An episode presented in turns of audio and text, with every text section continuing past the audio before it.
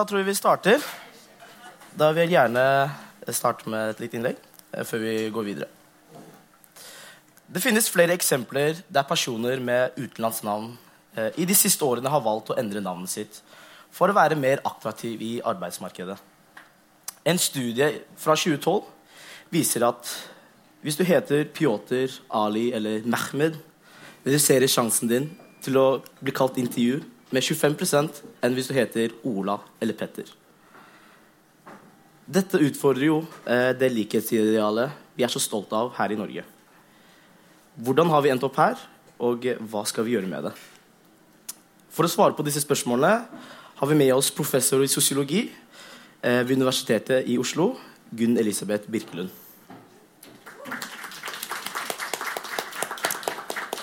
Og så har vi med oss byråd for arbeid, sosial og bolig her i Bergen, Lubna Jaffrey.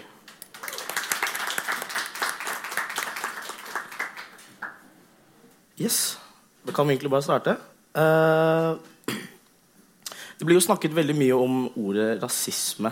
Uh, men det jo, blir jo litt brukt her og der. Uh, kan vi ikke bare starte med å på en måte bare få snakket om definisjonen for rasisme? Mm.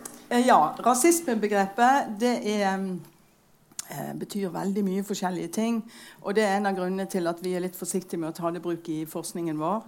Eh, den, liksom den, altså, den, snevre versjonen av rasismebegrepet bygger på en idé om at det fins raser. Altså, rasisme er et derivat av rasebegrepet. Og alt vi vet, er at det er for å si det veldig enkelt tull. Altså, det fins ikke menneskeraser. Dette her eh, går tilbake i lang tid, hvor det var, hvor det var man drev og begynte, altså Alle har hørt om Linné. ikke sant? Han drev og klassifiserte naturen. Og så begynte man eh, fra planter så begynte man å klassifisere hunderaser. Og så begynte man etter hvert å klassifisere mennesker inn, inn i raser. Men, men, det vi vet i dag, er at eh, hvis du ser f.eks.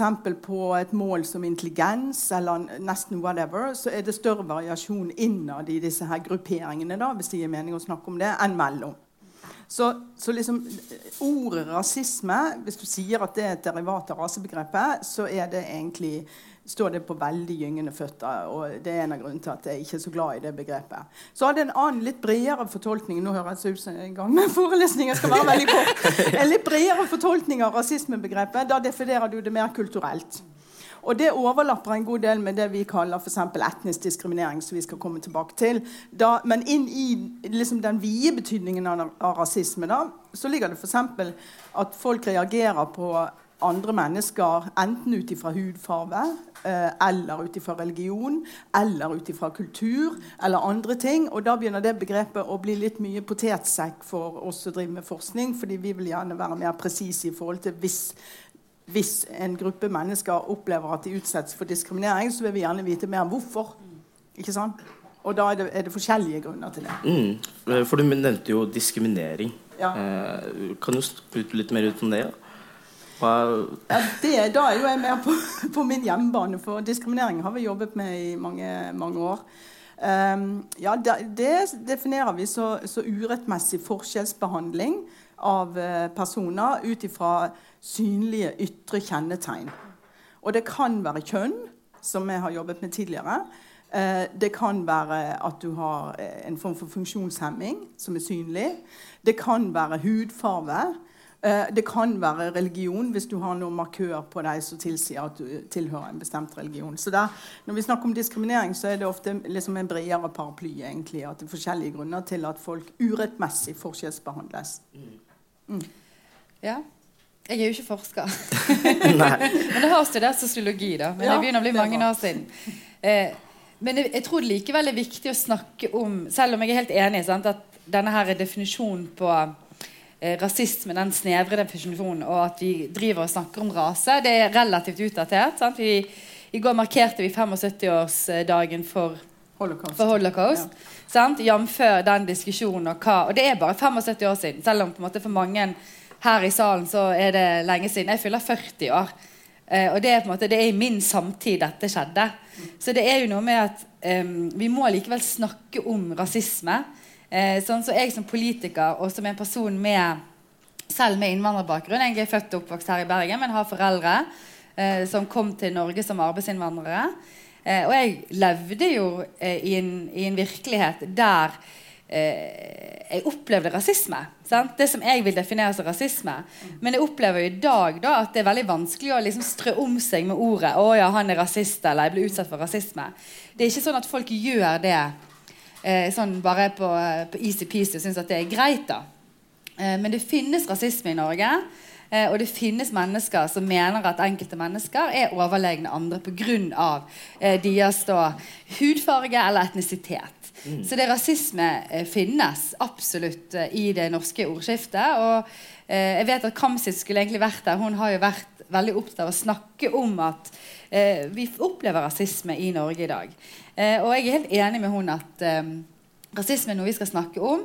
Men så er det liksom det som dere har satt på dagsorden, norsk nok for arbeidslivet. det Er jo da, er det rasisme eller er det diskriminering? Eller er det en blanding av begge deler? Eller er det uvitenhet? Det kan jo sikkert vi komme inn på etter hvert. Men jeg mener at rasisme finnes absolutt i Norge, og vi må tørre å snakke mer om det. Mm, så har det jo Det har jo kommet opp eh, eh hverdagsrasisme. Mm. Eh, det er sånn papp, du din pakkes? Det liksom det Ja, det er jo eh, på en måte Hva er det som skiller det eh, fra diskriminering eller vanlig rasisme? Hvis vi si det så uh, rett ut. da uh, Nei, det er vanskelig å si. Det er bare altså, systematikken? Altså, ja, det er jo nettopp det at det er systematisk. Men, men uh, altså, jeg, jeg, er enig i at vi skal ikke, vi skal ikke droppe rasismebegrepet. Men, men og, og, altså, nettopp det eksempelet med, med markeringen av 75-årsjubileet for, for, holocaust i går. ikke sant? Altså, man, nazistene prøvde jo å definere jødene, det har jo vært gjort lenge, som en egen rase.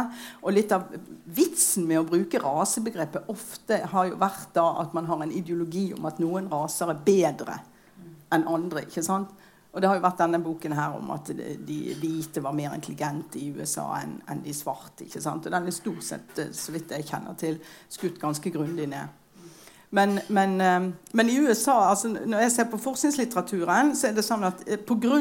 at vi har den fortiden vi har i Europa, så er det ganske få samfunnsforskere i Europa. Det fins, men, men, det er ikke så mange som bruker rasismebegrepet uten å blunke, for å si det sånn. De fleste, hvis vi snakker om rasisme, så er vi litt forsiktige og veldig tydelige på hva vi mener. i så fall.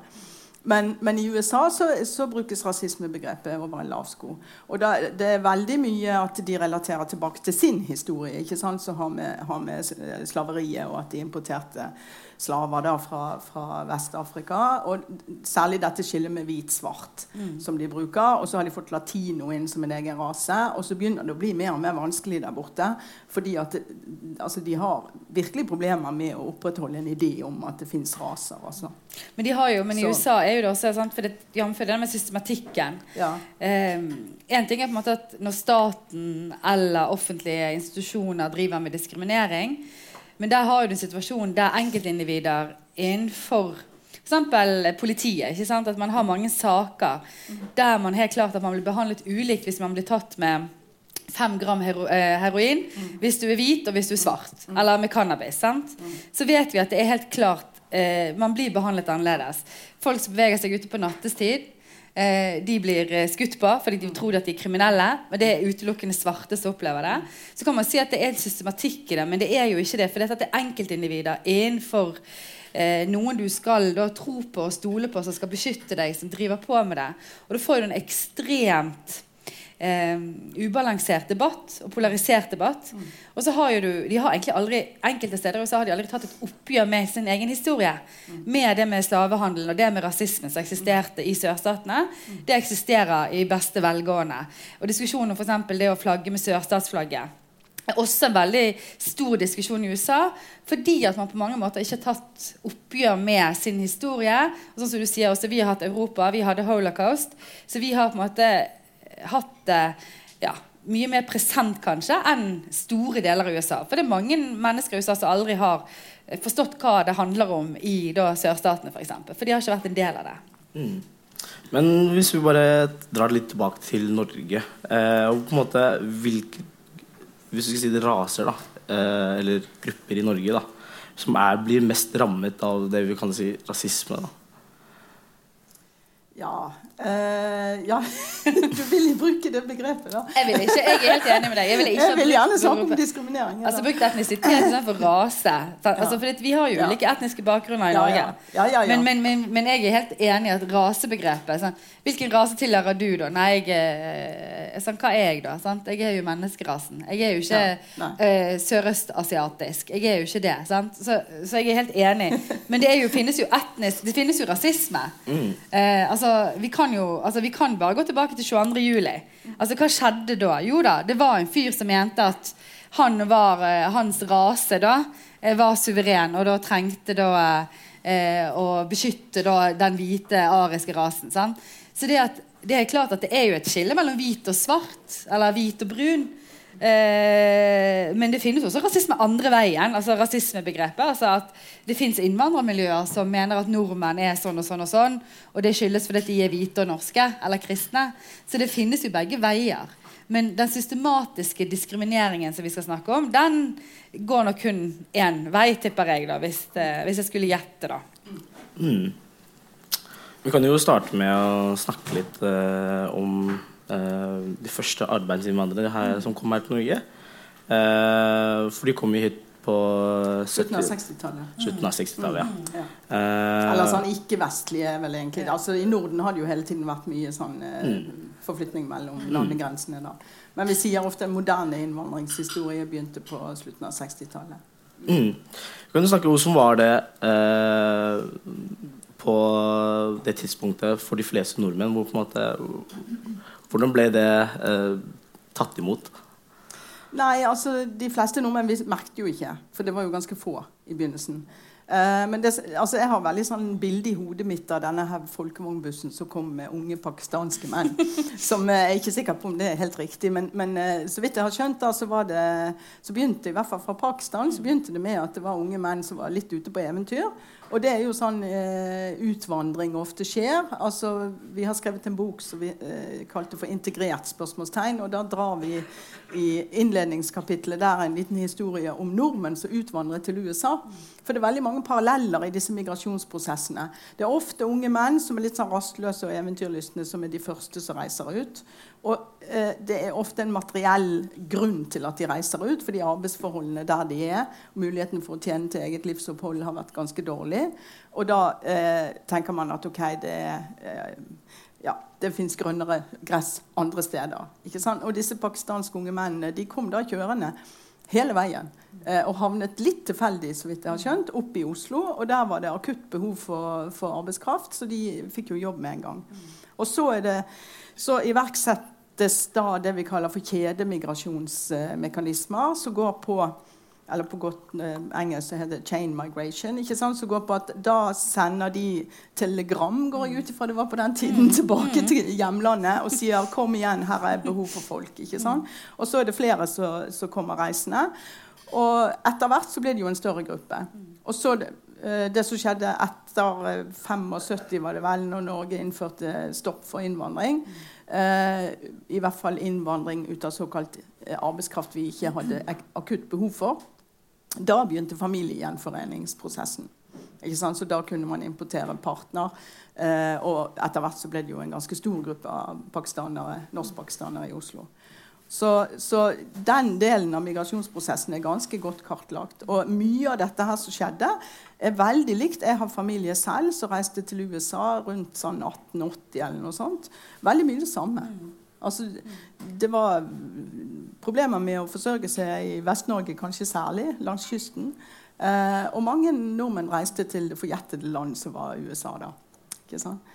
Så det var jo motivasjonen den samme. Og det du ser hos eh, de som reiser ut, det er at de ofte har det vi kaller for en drive. Altså de er veldig, veldig sånn Ganske energirike folk. Eh, ressurssterke folk sånn når det gjelder personlighetstrekk, men ikke materielt. Ikke de, og det er ikke de fattigste som emigrerer, for de har rett og slett ikke overskudd til å gjøre det. Og det er selvfølgelig heller ikke de som har det bra i det samfunnet de bor i. Så det er de liksom et stykke over bånd som har ressurser til å gjøre det. Så det er en ganske sånn noenlunde generisk trekk med migrasjonsprosesser. Som jeg tror hvis, Nå er ikke jeg ekspert på de som kommer fra flere afrikanske land over Middelhavet, men jeg tror det er litt samme, samme mønstre der. altså. Altså, jeg pleier jo å si det at uh, ofte når vi diskuterer innvandring da, at jeg er jo altså, jeg, Faren min var jo en lykkejeger. Ja, ikke sant? og jeg skammer meg ikke over det engang. Uh, Jf. den diskusjonen vi av og til har i Norge.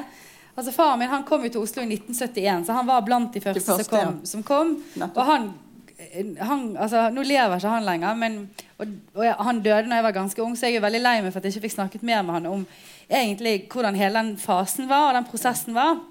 Men han kom jo til Oslo. Eh, og det var sommer, og det var liksom denne, det Dagsrevyen-innslagene med at eh, da pakistanerne kom. Ja. Liksom. Det er ja. sånn veldig vittig innslag. Ja. Eh, og da ligger de i parken, disse her med slengbuksene sine, og de er jo veldig pene alle sammen, og veldig mm. eksotiske. Men det han fortal, fortalte meg, var jo at han, han dro litt på samme måten som du sier. Altså, de kom liksom i sånn folkebussaktig greie. Han, mm. han dro jo gjennom mange land. Mm. Han var innom Iran, mm. han, var innom, eh, han, var innom, Tyrkia, han var innom Tyskland. Jobbet på sånn landbrukskollektiv i Tyskland. Eh, han var innom Danmark. Og så var det veldig mange som ble værende i Danmark. Mm. Og så var det de som på en måte tok sjansen på å reise over liksom, den siste dammen. Og han var blant de og kom til Oslo. Og fikk jobb med en gang. Bodde, han bodde på Majorstua skole. Det var, jo, det var jo mange av de ble jo lurt. Fordi de fikk ikke bolig. De hadde, fått, hadde avtale om bolig, men når de kom til Oslo, de hadde betalt masse penger, eh, men det var ingen bolig som sto og ventet på dem. Så hadde ingen steder å sove. Så de sov ute i Slottsparken, flere av dem. I Frognerparken. Og da fant de ut at de måtte gjøre noe, så da var jo det sommerferie. Så da åpnet de Majorstua skole og la ut feltsenger eh, der, så de kunne få et sted å sove for sommeren. rett og slett. Så han var en av de som sov på Majorstua skole, og så kom han til Bergen ganske kjapt etterpå. faktisk. Han var en av de få. Det er jo bare 300 personer med landbakgrunn Pakistan i Bergen ca. Det er ganske liten andel. Eh, og det er da både de som kom hit på 70-tallet, og de, vi som er resultatet av det.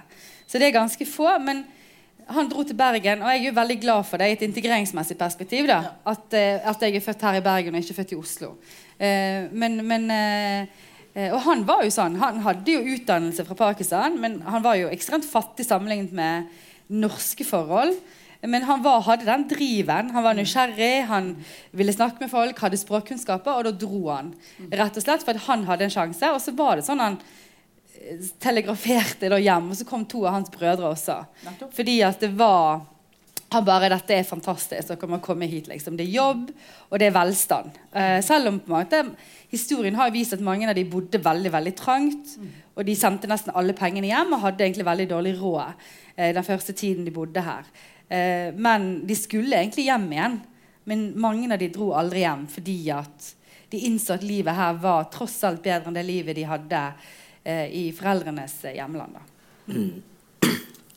For nå har det jo kjent at uh, det har jo kommet to-tre generasjoner uh, etter de første arbeidsinnvandrerne. Men selv etter tre generasjoner så har det jo vist jo studiet at de sliter fortsatt å få, få seg jobb.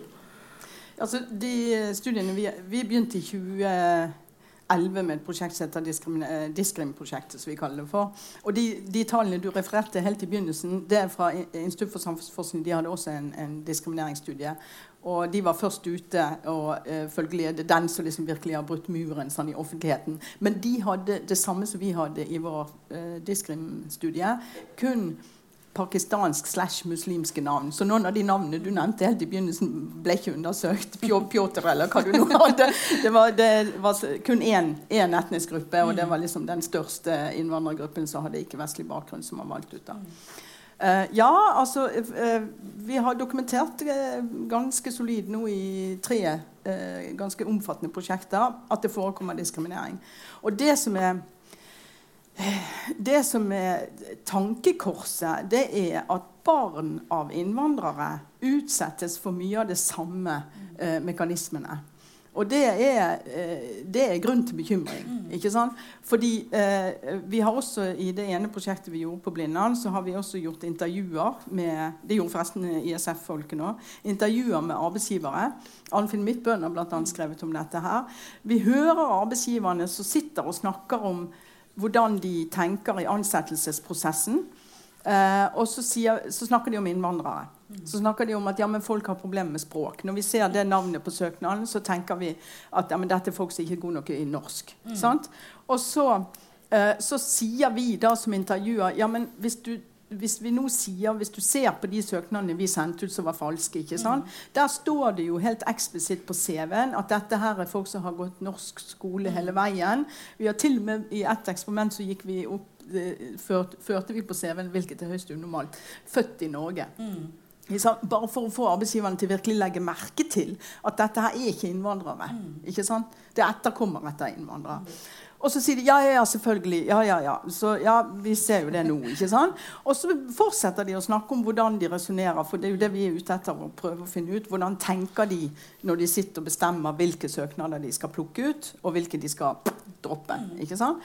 Og så plutselig så slider hele argumentasjonen, og så er de tilbake og snakker om kulturforskjeller, om språkforskjeller, og da er, da er det innvandrere de snakker om igjen. Så eh, jeg tror altså det går, jo, det går jo rette veien, men jeg tror dette her er en prosess som tar tid. altså. Eh, nå er ikke forskjellen så forferdelig stor i forhold til callback, som det heter. da, Men det er helt systematisk. Det foregår diskriminering. Og det rammer også etterkommerne. Selv om de har norsk utdannelse og, og behersker språket, så er det en god del arbeidsgivere som tenker altså Det er en sånn kognitiv eh, dissonansmekanisme, tror jeg.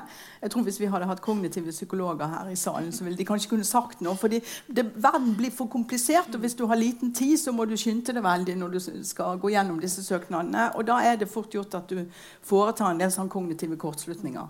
Da ser du et navn, og så tenker du innvandrer. Mens det du burde gjort, det var å si ok, jeg ser et navn, og så la meg se litt på CV-en. Og da vil jeg kunne se forskjell på en innvandrer og en som er eh, ja, norsk. Mm. Altså, jeg, har jo, jeg, har jo, jobbet i Integrering- og mangfoldsdirektoratet eh, som seniorrådgiver i flere år. Eh, og der har jo man hatt en, jo, der gikk jo Den første direktøren, Åsmund Kallheim, han var jo veldig opptatt av at man skulle da ha et direktorat som faktisk gjenspeilte det de prøvde å jobbe med, nemlig et større mangfold i det norske samfunnet. Så der var jo ca. 33% av de ansatte hadde jo innvandrerbakgrunn. Ja. Så alle, altså det var sånn, altså Lunsjen der det var jo helt fantastisk. For dette, alle hadde jo, hadde, brukte jo sine, altså det de hadde med seg hjemmefra, på en måte inn i det arbeidslivet. Men de var jo norske. Sant? Selv om på en måte, Jeg er jo norsk. Når folk spør hvor kommer du fra, så sier jeg fra Norge. Fra Bergen. Ja, sant? Eller, så, ja men kommer an på hvor jeg er. Sant? Så, ja, hvor kommer du egentlig fra? Her i Bergen. hvis noen spør. Så jeg kom fra Flaktveit. Ja. Og da blir jo mange irriterte, for det var ikke det de lurte på. Sant? For de lurte på hvor egentlig mine foreldre, altså, Jeg lurer på hvor foreldrene mine kommer fra. Ja, sant? Ja. Men, men, det er jo et helt viktig poeng. Ja. Og, og Åsmund Kallheim han sa til meg en gang at eh, når folk står opp og skal ansette noen, så ser de seg selv i speilet, og de vil ofte ha noe som er gjenkjennbart. Og det er jo, Vi kan bruke det på norsk statsadministrasjon. Tidlig når den skulle bli bygget opp, så ansatte man jurister. For det var jurister som ble ansatt først, og da ansatte man andre jurister. Så norsk statsadministrasjon besto veldig mye av jurister. Så begynte man noen ansatte økonomer, så ble det flere økonomer, og så ble det statsvitere etter hvert. Fordi at det var da flere som ansatte folk som de kjente seg igjen i. Sant? Det trenger ikke ha noe bare med etnisitet å gjøre. Det kan også ha noe med eh, ja, fagbakgrunn, hva fotballag du liker, hvis du liksom, tilfeldigvis sier det på jobbintervju. Sant? Alt dette her skaper noe med sånn familiær eh, tilknytning. da. Og jeg tror løsningen på det er jo faktisk å ansette nettopp da, å ansette flere med minoritetsbakgrunn, som er da, som jeg liker å kalle meg selv for, førstegenerasjons nordmenn i ledende stillinger. Som igjen kan ta det grepet når de ansetter. Mm. Og det er på en måte en grunn til at Abid Raja begynner å grine når han blir statsråd. Mm. så, jeg, jeg, heier ikke på Abid Raja som politisk, men, men, men, men jeg òg blir rørt av det. Fordi at Shit, liksom. Det er faktisk mulig. Ja. Og når jeg ble byråd også i Bergen, så var det sånn dette er ganske fantastisk. For det er 40 år siden min mor kom til Norge. Og 40 år etter, eller hun kom til Bergen, og 40 år etter så er datteren altså byråd i Bergen. Og det er mulig. Men da må altså Jeg må bare fortelle en historie. Jeg vet vi tyter veldig mye. Men jeg, søk, ja, jeg søkte en jobb her i Bergen.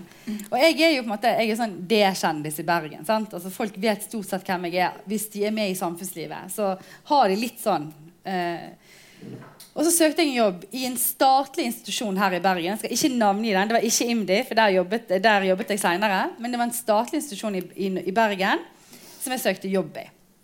Og så ble jeg ikke kalt inn på intervju. Så var jeg kvalifisert etter kvalifiseringsprinsippet. Og i staten har de ganske, faktisk ganske strenge regler for intervjuprosesser.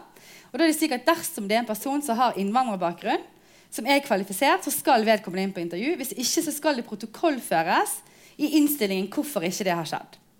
Så gikk tid og stunder. Jeg ble ikke innkalt på intervju. Veldig merkelig synes jeg, for jeg mente jeg var kvalifisert. Greit nok at ikke de ville ha meg. Det, det er et privilegium som enhver arbeidsgiver har. Jeg ringte opp, spurte. Hei, jeg lurer på hva som har skjedd. Eh, så sa, henviste jeg til da, Statens personalhåndbok og det regelverket. Så ble det helt sånn stille. Og så gikk det da 24 timer, fikk jeg e-post. De hadde revurdert, og nå vil de kalle meg inn på intervju. Og det er ganske sykt. sant? Sånn pro forma-intervju. Så kommer jeg inn der, sitter da toppledelsen ved denne, denne institusjonen, denne statlige arbeidsplassen. Eh, og da beklager da at nei, de hadde misforstått om det var første eller andre generasjons innvandrere osv. osv. Eh, og eh, det var jo bare et proforma-intervju. Det var utrolig pinlig. Jeg gikk ikke aldri til avisen med det. Men det er et veldig godt eksempel på at jeg er ganske ressurssterk og kan gi beskjed om at jeg blir faktisk diskriminert her. Men hva med de som ikke vet det? At de faktisk blir diskriminert? Sant? Og jeg har bestemt meg, jeg kommer aldri til å jobbe der. Hvis de omtrent kaster jobben etter meg og betaler meg tre millioner, kommer jeg aldri til å takke ja. For det, det, er bare helt uakseptabelt. Og det kommer jeg til aldri til å glemme at jeg opplevde det. Som, altså det skjedde for tre år siden. Altså. Det er ikke sånn at det skjedde når jeg var 20 år gammel og nettopp gikk ut av eh, videregående ferdig ut, jeg har vært i arbeidslivet i mange år, vært kommunikasjonssjef i Norges nest største busselskap, og de innkaller ikke meg på intervju. Og det er ganske alvorlig. For det, det skjer. Mm. Og hvis jeg bare kan henge ja, på ja, fordi Det der er litt interessant, for du sier ikke sant, du er ressurssterk, og du tør mm. ta den telefonen. Mm. Men veldig mange eh, eh, Hvis vi skal måle diskriminering, sant, så er det, er det, flere måter å gjøre det på. og en variant er jo å spørre folk. Mm. Har du, eh, eller har du ikke følt at du har blitt diskriminert i forbindelse med en eller annen eh, prosess, f.eks. når du søker jobb? og Den type intervjuundersøkelser fins. og den, den, type intervjuundersøkelser er viktig fordi det gir også informasjon om hvordan folk føler og opplever situasjonen. Om de føler seg diskriminert eller ikke. Men men hvis jeg skal være høy og mørk, så vil jo jeg si at det er ikke et mål på diskriminering. Mm. akkurat sånn som du sier, fordi du vet ofte ikke hvem du konkurrerer mot. Mm. Og du vet ikke helt bakgrunnen for at du ikke fikk eh, mm. tilbakemelding. Vi kan heller ikke spørre arbeidsgiverne. Selv om vi har intervjuet dem. Altså det dummeste spørsmålet vil jo være eh, her er mikrofonen, diskriminerer du eller gjør du ikke? Altså det, det er klart det, det, blir ikke noe validitet i de svarene du får der. Det vi gjør når vi intervjuer arbeidsgiverne, er at vi prøver å få dem til å fortelle hvordan de resonnerer i ansettelsesprosessen. ikke sant? Og Derfor koker dette ned til det som vi har holdt på med ganske mange år nå. Den beste måten og det mest valide mål på diskriminering, det er å sende disse falske jobbsøknadene. Det er det som ILO og OECD også anbefaler. Og så er det en svær litteratur om hvordan skal du gjøre det på best mulig måte. Og vi har gjort det på to forskjellige måter. I, eh, det siste prosjektet så har vi bare sendt én falsk søknad per jobb. Eh, men da har vi randomisert over flere jobber.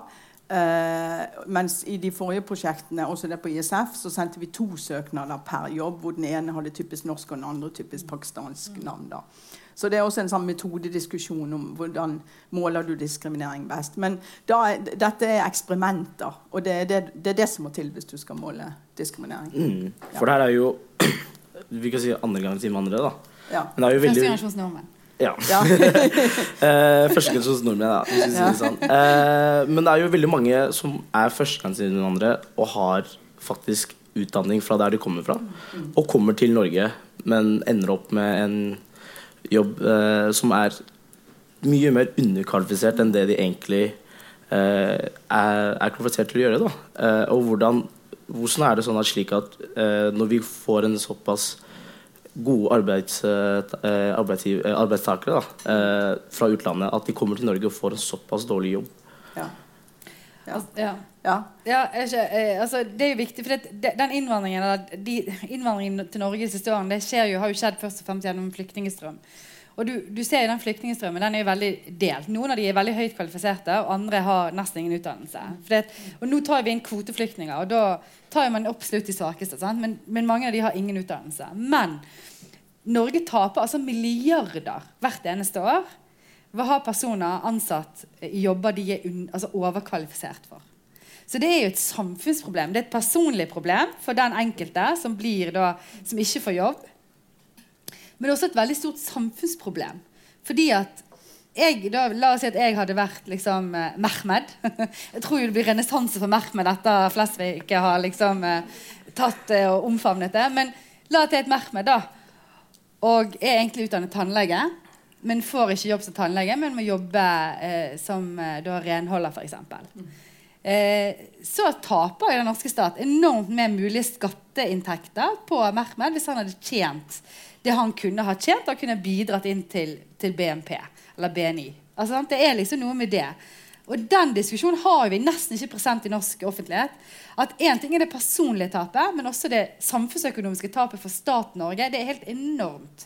Og argumentet er jo ofte at de snakker ikke godt nok norsk. Eh, og det er sånn høne eller egg-problematikk, da, mener jeg. Fordi at hvis ikke du får muligheten til å prøve deg i arbeidslivet, til å liksom komme deg inn og få kollegaer begynne å snakke norsk, eh, så vil jo du aldri klare det.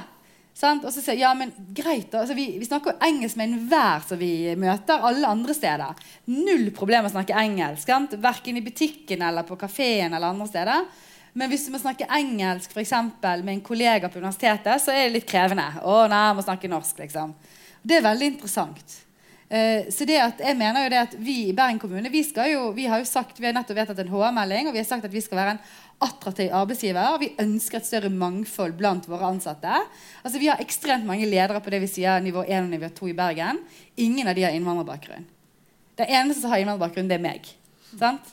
Og det er ikke ok i en bedrift der det er 19 000 mennesker eh, som er ansatt. 16 000 årsverk. Det er ikke greit. Så det, vi må faktisk tørre å ta sjansen på de som kanskje ikke snakker perfekt norsk. Av og til. Og så vil de komme der etter hvert, tror jeg. Men det er et stort tap samfunnsøkonomisk også, ikke bare personlig at ikke de får jobb. Mm. Ja, det, det, Vi er rørende enige her. Altså, det, hvis dere vil ha en hissig debatt, så er det vanskelig.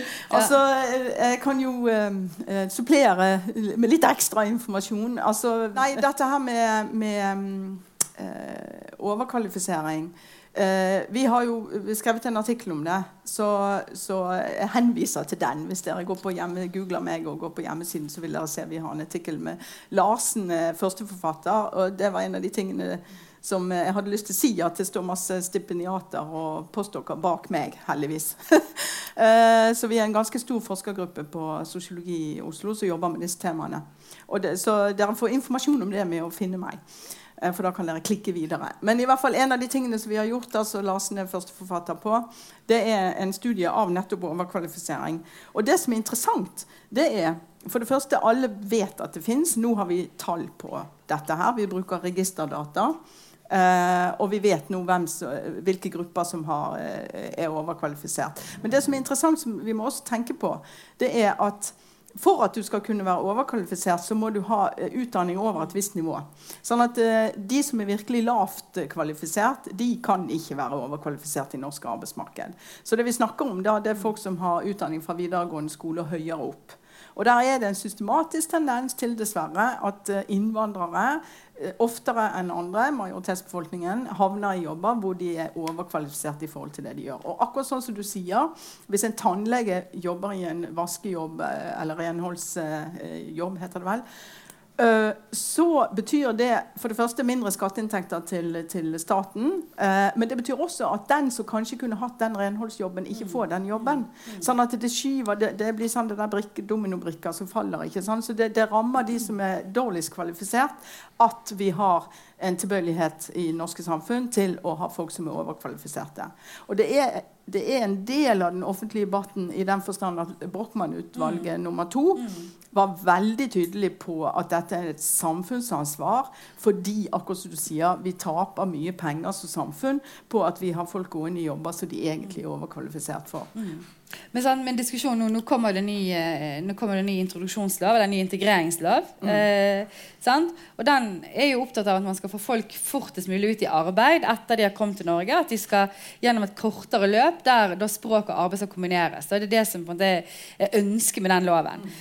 Men, og Da blir fort diskusjonen dette her om da Eh, hvis ikke man klarer norskprøven eller samfunnsfagprøven, kan man få statsborgerskap. Det blir ofte sånne diskusjoner istedenfor diskusjonen som Brochmann-utvalget prøvde å løfte fram. Dette med den store eh, samfunnsøkonomiske da, ulønnsomheten det er jo å ha folk gående i overkvalifiserte jobber. Eh, så jeg tror, jo, jeg tror, jo, at hvis du skal da vinne holdt på å si, i framtiden, så må du være en arbeidsgiver som er villig til å tørre å satse. Mm. For det, vi vet, er jo sant, altså Dette her er med en ting i den gruppe som du snakker om nå, da, med, med, som har kommet til Norge den senere tiden, men de som da tilhører generasjonen av de som er etterkommere, de har jo også et vanvittig innvandrerdriv, er det kalt da, i forskningen. At de er de, de raser ifra. Desto mer utdanning de tar, desto flinkere blir de. SSB gjør jo sånne store utdanningsundersøkelser. Og det viser jo da at hvis da jeg som jente velger å gå på universitetet Tidlig så ligger jeg kanskje litt tilbake på barneskolen i forhold til karakterer, i forhold til eh, prestasjoner. Men desto mer utdannelse jeg tar, desto flinkere blir jeg, og desto dyktigere blir jeg. Så hvis du skal være en vinner på det norske arbeidsmarkedet, så bør du ansette personer med innvandrerbakgrunn, for de har faktisk et stort driv. Mm. Ja, innvandrerdriv er en av de tingene vi har skrevet om i den mm. integrert-boken. Kan for oss bare legge til at eh, Når det gjelder offentlig sektor, så er det ikke gunstigere i forhold til overkvalifiseringsproblematikken mm. å være der enn i privat sektor. Mm. Så dette her går over hele ja. arbeidsmarkedet, dessverre. Mm. mm. Det er like stor grad av tilbøyelighet til å ansette folk i jobber de er overkvalifisert for i offentlig sektor, mm. som i privat. Mm. Vi kan snakke litt, så, eh, jo, eh, snakke litt om hvordan det jobbes politisk eh, mot denne diskrimineringen eh, blant innvandrere. Kan du snakke litt mer om hvordan dere jobber med det? Altså, jeg, nå har jo jeg vært arbeidsbyråd i Bergen i ja, noen måneder. Får se hvor lenge det varer i den bergenspolitikken. Eh, men i alle fall, eh, i oktober så vedtok et enstemmig bystyre da, en ny HR-melding i Bergen kommune. Og den HR-meldingen har to formål. Det ene formålet med den meldingen det er selvfølgelig hvordan skal Bergen kommune være arbeidsgiver overfor alle de ansatte i Bergen kommune i dag og også i framtiden. Og så er det et sånt delt perspektiv. og det er der, Bergen, der kommune, altså Bystyret mente at Bergen kommune måtte være mye mer inkluderende arbeidsgiver i framtiden. Og Da er det to perspektiver. Det ene er innvandringsperspektivet, eller mangfoldsperspektivet. som vi kaller det for da. At Bergen kommune skal ha større mangfold i alle nivåer i organisasjonen. Ikke bare de som altså Min mor hun var det de kalte for vaskekjerring ikke sant? Når jeg var liten. Jeg var kjempeflau over at min mor drev og vasket på en barneskole. Var, det var liksom, åh, det var så flaut. Men jeg har skjønt at det var det eneste riktige hun kunne gjøre. det var å jobbe. Men det er viktig at ikke de bare finnes da blant renholderne i Bergen kommune. Men de finnes også som seksjonssjefer. Og der har vi sagt at der må vi jobbe aktivt. Og så er det dette her med mennesker med hull i CV-en. At vi ønsker 5% det samme statlige forsøket. At 5% av Bergens da, arbeidsstokk i Bergen kommune skal ha hull i CV-en. Og Hvordan gjør vi det? Jo, jeg tror det må gjøres på to måter. Vi må ha mer åpenhet overfor de lederne som faktisk ansetter i ansettelsesprosessene. De må lese CV-ene, ikke bare lese navnet. det er sant? Fordi de leser jo CV-en på de andre som heter Ola og Petter. Så de må lese CV-en og faktisk være med på å eh, Vi må lage et regelverk i Bergen kommune som gjør at de faktisk blir da tvunget eh, til å kalle folk inn på intervju, i det minste. Og gi dem en sjanse der. Og så har vi sagt at vi skal prøve anonyme søknader i Bergen kommune. Sånn at ikke man vet Vi vet at det er forsket på det om det gir effekt eller ikke. Men vi skal prøve det i Bergen kommune. Eh, og så er det noe annet, og det er at vi må gjøre oss selv attraktive. Fordi at vi vet at veldig mange med for innvandrerbakgrunn får seg jobb i Deloitte, i PwC, i mange da, i det private næringslivet. De er mye mer attraktivt enn å jobbe i en kommune. Sant? Men folk skjønner ikke hva en kommune gjør alltid. At vi har veldig mange spennende oppgaver og veldig mange spennende jobber. Og da er det viktig at vi som kommune gjør oss selv attraktive. For jeg tror at det er en blanding av de to tingene som gjør at ikke vi ikke har mer mangfold i vår organisasjon. At både at vi ikke er der ute og aktivt henter dem, men også aktivt og viser at vi er en attraktiv sted å jobbe. Eh, jeg kan jo supplere litt med dette med hull i CV-en. da, Eh, for det har vi også undersøkt. Eh, og der var det mange forskjellige ideer ute og går. Jeg tror Hvis vi hadde hatt håndsopprekning her, så hadde vi sikkert fått litt forskjellige forslag.